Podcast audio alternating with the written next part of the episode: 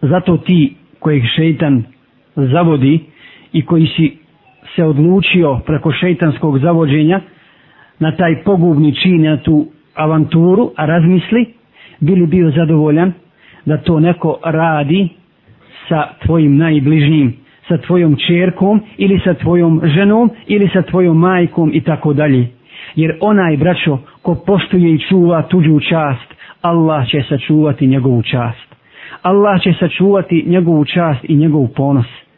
U tom smislu ispričat ćemo jednu priču koju prenose historičari vezana je za jednog čovjeka koji je imao radnika vodonošu koji mu je stalno donosio vodu i kada bi donesi vodu ostavi bi u posudi ostavi je pred kuću pred vrata i njegova bi i oti, otiđi bi njegova žena bi dođi iziđi iz kuće i uzmi bi tu vodu i uz, o, ostavi u kuću jednoga dana, zato što je njen muž radio, radio na određenom mjestu, dakle nije bio kući, jednoga dana taj vodonoša je donio vodu i uspio je i žena je izišla, čim je on donio vodu, ona je izišla iz kuće i on je uspio da je zavede i da je poljubi.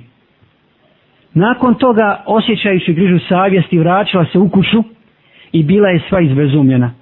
Kad je muž došao, primijetila je na njemu također neke promjene. Primijetila na njemu neke promjene i kaže mu tako ti Allaha, hoćeš li mi reći šta se s tobom desilo? Kaže, zašto? Čudno mi kaže, izgledaš.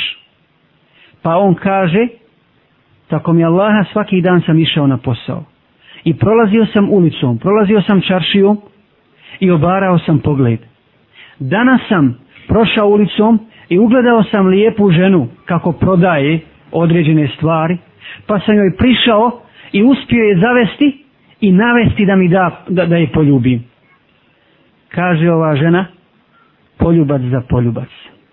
Da si ti učinio nešto više s tom ženom, koja ti nije halal, i u tvojoj bi kući neko drugi učinio nešto više sa tvojom ženom. Dakle, da si ti učinio zinaluk, i u tvojoj bi se kući učinio zinaluk. A poslanik sallallahu alejhi ve sellem kaže: "Ufu ta'ufu nisa'ukum." Budite čedni i čestiti, bit će vam čestite žene. Bit će vam čestite žene. Ili, u drugoj predaji, stoji men zana zana ahluhu, ko bude činio zinaluk i njegovo potomstvo će činiti zinaluk. Sačuvao nas Allah od toga.